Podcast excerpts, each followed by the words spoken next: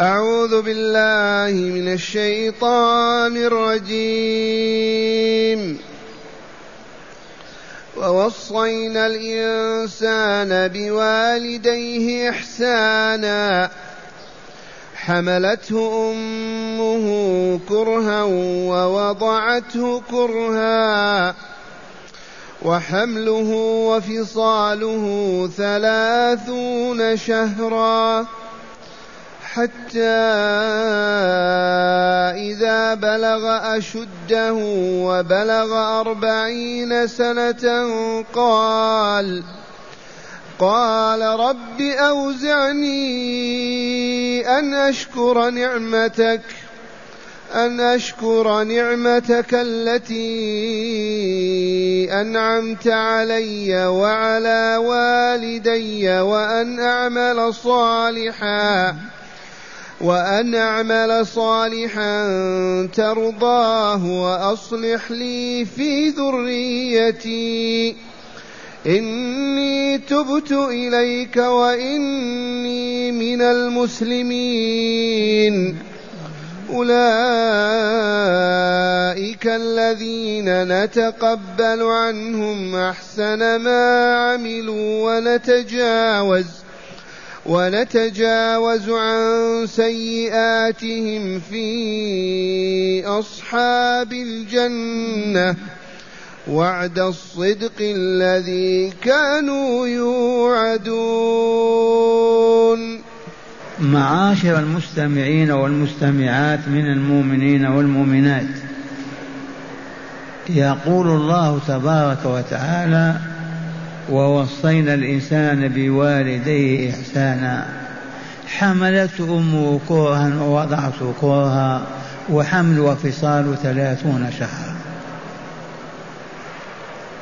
الإنسان هو هذا المخلوق هذا الجنس في الأولين والآخرين. أوصاه الله أمره وبالغ في الأمر فكان وصيا فالوصية أعظم من الأمر. الأمر إذا شدد يصبح وصيا ووصينا الإنسان بوالديه. ألا وهما أمه وأبوه. والداه أمه وأبوه. والإحسان طول الحياة. وذلك بأن لا يقصر في الإكرام والإنعام عليهم. وأن لا يتعرض لأذاهم بأدنى أذى. الإحسان بالوالدين إيصال الخير لهم مع كف الأذى عنهم. كونه يوصل الخير ويؤذيهم ما أحسن أساء. وبر الوالدين بعد الموت. يبرهما وهما حي حيان ويبرهما بعد موتهما وذلك ببر من كان يبرانه. وبالدعاء لهما ما دام حيا. ووصينا الإنسان بوالديه حسنا حملته أمه كرها. أي مع شدة ومشقة وتعب من ساعة ما يتخلق الولد وهي تعاني. وتتألم. وحين الولاد من باب أعظم قد تموت في ولادتها حملته أمه كرها ووضعته أيضا وولدته كرها. فهي تتعذب في بداية الأمر وفي نهايته. فلهذا يجب أن يحسن بها. يجب أن تبرر. يكفي هذا الذي قدمته لك يا ولد. حملتك كرها ووضعتك كرها. واستمر أيضا ثلاثين شهرا ترضعك. وهنا لطيفة علمية. جاءت امرأة إلى عثمان رضي الله عنه على أنها ولدت في الشهر السادس. فقالوا هذه إذا زانية. فأراد أن يقيم الحد عليها. فجاء علي رضي الله تعالى عنه فقال لا يا إمام المسلمين. فالله تعالى يقول وحمل وفصال ثلاثون شهرا ويقول ويرضين أولادهن حولين كاملين حولين كاملين. فالحولان كم شهرا؟ أربع وعشرين شهر عامين. والست أشهر الباقية للثلاثين إذا المرأة إذا تزوجت بلغ ستة شهر تحمل وتلد. انتبهتم لهذه؟ لو ولدت المرأة في الشهر الخامس أو الرابع هذا ليس ابن الزوج أبدا. هذا جاء في رحمها ابن زينة. لكن إذا تزوج الرجل وبقيت معه ست أشهر وأنجبت فلا حرج. حملت معه وأنجبت. وذلك لقول الله تعالى وقوله الحق والوالدات يرضين أولادهن حولين كاملين والحول هو العام الكامل اثنا عشر شهر. وبعد ذلك ستة أشهر للحمل. ثلاثون شهر للحمل والإرضاع أليس كذلك؟ للحمل والإرضاع قال تعالى في هذه الآية الكريمة وحمله وفصاله أي فطام وقطاعه ثلاثون شهرا الحمل مع الرضاعة ثلاثون شهرا وحمل وفصال ثلاثون شهرا حتى إذا بلغ أشده وبلغ أربعين سنة. نعم. إذا بلغ الخامس عشر السادس عشر الثامن عشر واحتلم بلغ سن التكليف وأصبح مكلفا.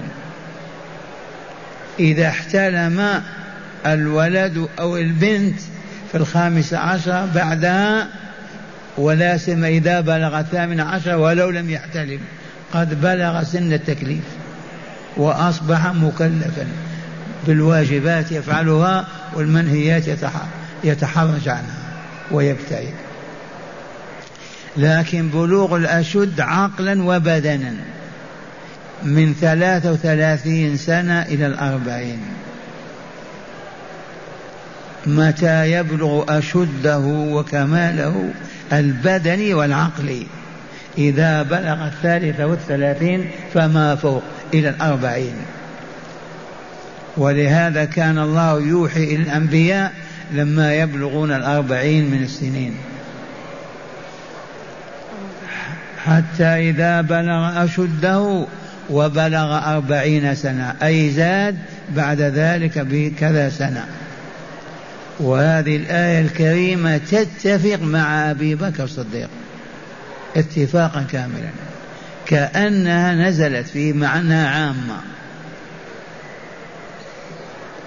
وبلغ أربعين سنة ودخل في الإسلام وقال ربي يا ربي أوزعني أعني أن أشكر نعمتك التي أنعمت علي وعلى والدي وأن أعمل صالحا ترضاه وأدخلني برحمتك في عبادك الصالحين.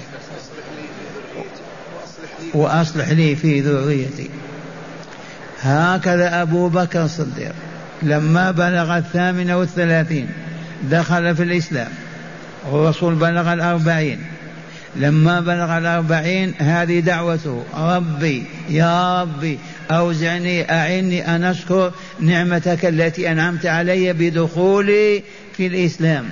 وعلى والدي فلم يوجد صحابي أسلم أولاده وأباه وأمته قط إلا أبي بكر الصديق. أبوه أبو قحافة التيمي عثمان اسمه. عثمان يكنى بأبي قحافة من بني تيم. أمه أم الخير سلمى كذلك. آمن أبوه وأمه وهما شيخان كبيران. أولاده نساء من عائشة إلى عبد الرحمن. ما منهم أحد إلا وأسلم هذه الآية تتفق مع الصديق اتفاقا كاملا وهو الذي يدعو بهذا الدعاء.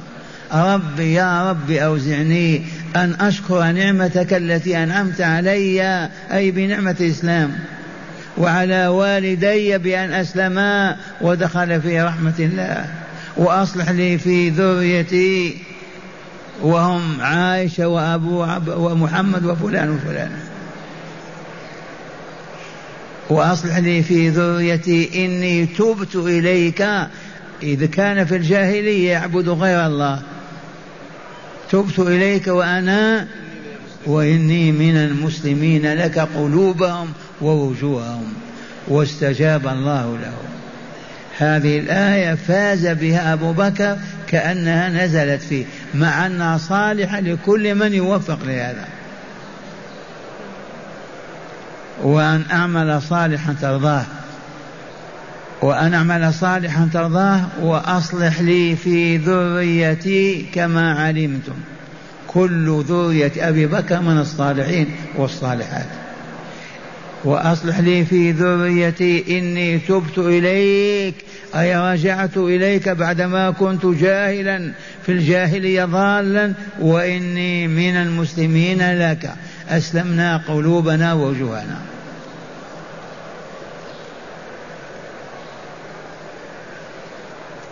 قال تعالى أولئك الذين نتقبل عنهم أحسن ما عملوا. من كان على هذه الصورة أخبر تعالى أنه يتقبل منه أحسن ما عمل. ولطيفة أخرى في الحديث الصحيح تدل على فضل أبي بكر الصديق. جلس النبي صلى الله عليه وسلم مع أصحابه يوما. فقال أيكم صام اليوم؟ قال أبو بكر أنا صائم أيكم مشى مع جنازة اليوم؟ قال أبو بكر أنا مشيت مع أهل الجنازة أيكم أطعم مسكينا اليوم؟ قال أبو بكر أنا أطعمت مسكينا. أيكم عاد مريضا وزاره؟ قال أبو بكر.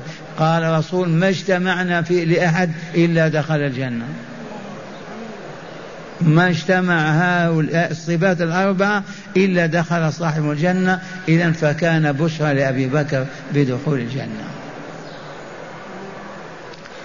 وأما دعوة الولد الصالح ما ننسى الحديث النبوي الشريف إذ قال صلى الله عليه وسلم إذا مات ابن آدم انقطع عمله. إذا مت يا عبد الله ما بقي عمل صلاتك انتهى صيامك انتهى رباطك انتهى جهادك انتهى كل عمل انتهى إلا ثلاثة. الأولى صدقة جارية. بنى مسجدا حفر بئرا عبد طريقا. بنى كذا أوقف بستان الصدقة الجارية يثاب عليها وهو ميت ولو بعد مئة سنة. ثانيا علم ينتفع به. إذا علم ناسا علما ينتفعون به يكون صدقة جارية بعد موته. وأخيرا ولد صالح يدعو له. ولد صالح يدعو له. فاجتهدوا أن تفعلوا هذه الثلاثة. وهي سهلة. ساهموا في مسجد في بير في كذا صدقة جارية. في إيقاف منزل الفقراء كذا سهل. ثانيا العلم الذي ينتفع به. هذا يحتاج إلى أن نتعلم مسألة كهذه ونعلمها. ينتفع بها صاحبه. ولد صالح يدعو له كيف يكون ولد صالحا؟ لا بد من تربيته. عند نشأته حال بلوغه عند رجولته لا بد من تربيته والحفاظ عليه ودعوته حتى يكون صالحا. وإذا كان صالحا والله ما يفتر يدعو لك ما دام حيا. أيما عبد صالح ما يدعو لوالديه في كل صلاة في كل يوم. وهكذا فاز أبو بكر الصديق بهذه أولئك الذين أولئك الذين تقبل نتقبل نتقبل عنهم أحسن ما عملوا. أحسن ما عملوا يقبل الله عز وجل ويثيبهم عليه. ونتجاوز عن سيئاتهم. إذا كانت له سيئة في الجنة يتجاوز الله عنها ويتركها ولا يطالب بها ويدخله الجنة. تجاوز عن السيئة عدم الالتفات إليها ولا ذكرها بين الناس يوم القيامة. ونتجاوز عن سيئاتهم في أصحاب الجنة. ثم قال تعالى وعد الصدق الذي كانوا يوعدون. وعد الله الذين آمنوا منكم وعملوا الصالحات جنات تجري من تحتها الأنهار. هذا وعد الله وعد الصدق الذي يعد به. ومن أصدق من الله حديثا لا أحد. فهنيئا لأبي بكر الصديق ولمن اتصف بهذه الصفات معه من الصحابة والتابعين وإلى يومنا هذا. مرة ثانية أسمعكم الآيات ووصينا الإنسان بوالديه إحسانا. حقا وإلا حملته أمه كرها ووضعته كرها. أليس كذلك؟ وحمل وفصاله ثلاثون شهرا. أليس كذلك؟ حتى إذا بلغ أشده وبلغ أربعين سنة أبو بكر لما بلغ 38 أسلم والرسول أوحي إليه في الأربعين. وتعرفون بلوغ سن التكليف إذا احتلم إذا نبت الشعر في فرجه دخل في سن البلوغ وأصبح مكلفا. آخر سنة الثامنة عشرة. إذا بلغ الثامنة عشرة ولولا احتلام ولا شعر هو واجب دخل في التكليف.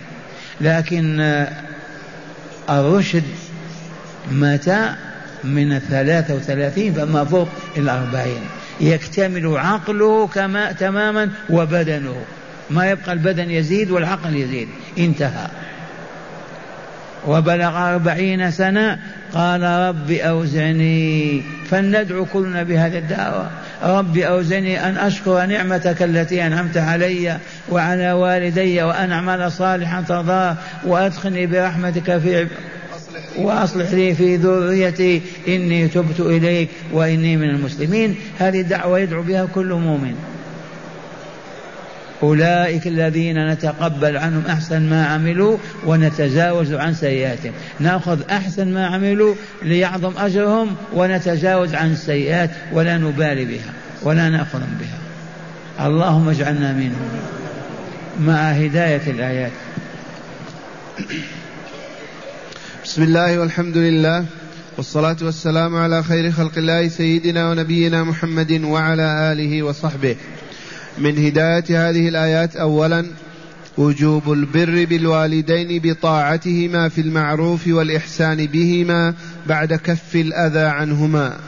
من هداية هذه الآيات التي تدارسناها وجوب البر بالوالدين والإحسان بهما وذلك بفعل الخير معهما وعدم الأذى لهما بحال ولو بكلمة.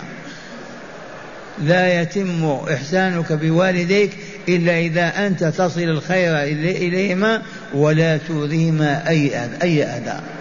ولو بكلمة عالية.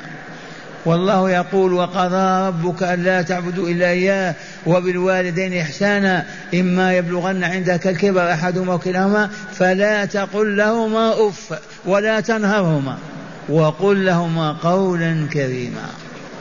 يفرحون به ويسعدون. ما هو كلمة قاسية. نعم.